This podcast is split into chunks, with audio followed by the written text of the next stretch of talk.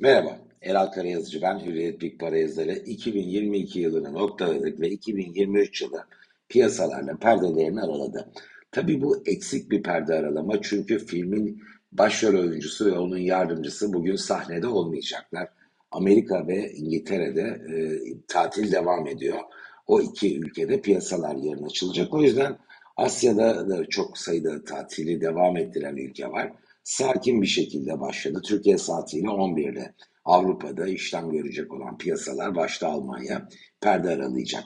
Şimdi 2022 yılını hatırlarsak aslında iki yarının, yılın ilk yarısı, ikinci yarısı birbirinden farklı tonda fiyatlamalara sahne olduğuna e, şahit olduk. Yılın bütününde Borsa İstanbul %196,5 TL bazı getiriyle e, tarihi bir sonuca imza attı.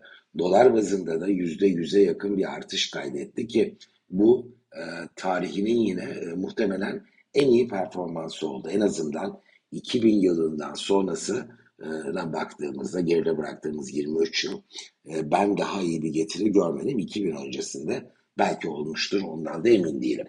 Şimdi enflasyon yarın açıklanacak.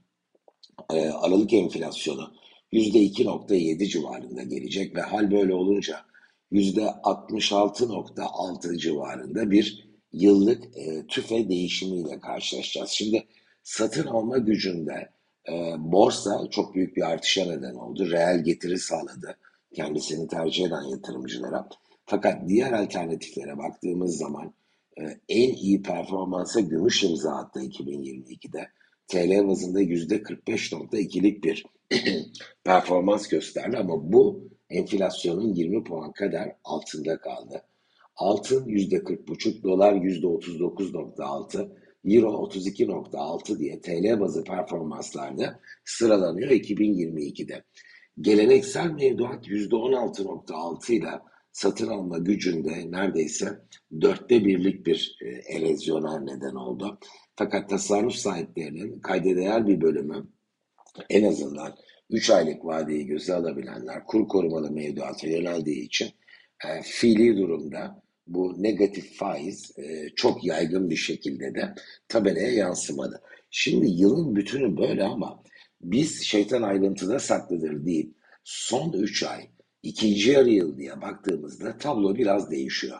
3 aylık verileri paylaşayım sizinle. Borsa İstanbul 2022'nin 4. çeyreğinde %73.2 bir getiriye imza attı. Bu da 3 ayda tarihi performanslardan biri.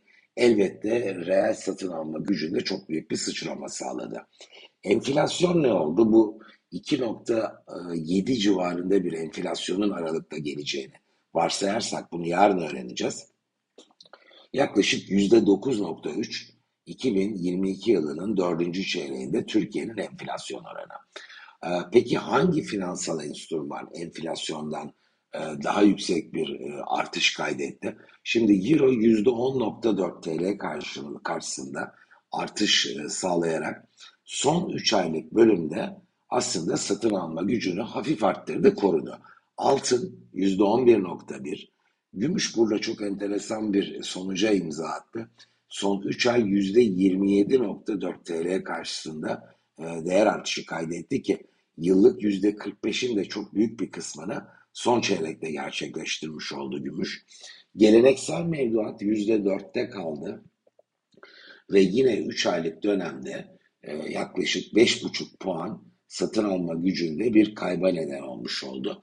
Dolarsa 2022 4. çeyreğinin en e, kötü performansına imza atan finansal alternatif yüzde 1.1 TL bazında bir e, getiriyle getirmiş oldu.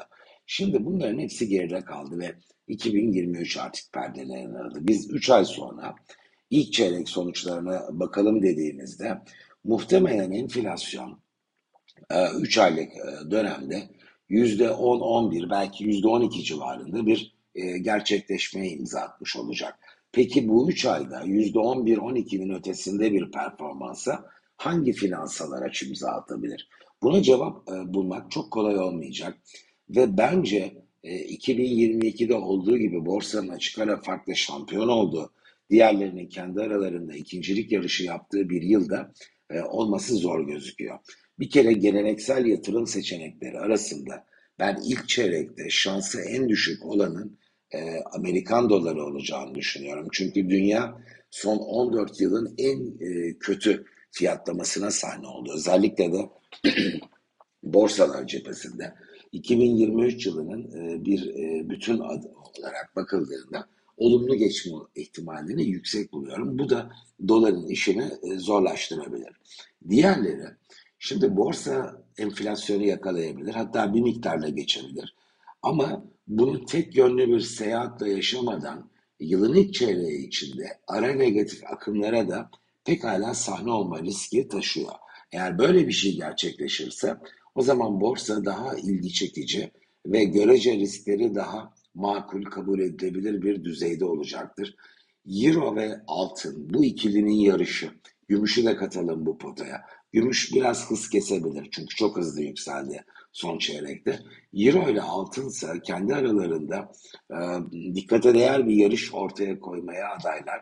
Fakat yine tek yönlü e, bir hareket yerine daha dalgalı olan bir hareketin e, ilk çeyreğin bütününde e, karşımıza çıkmasının da ben daha muhtemel olduğunu düşünüyorum.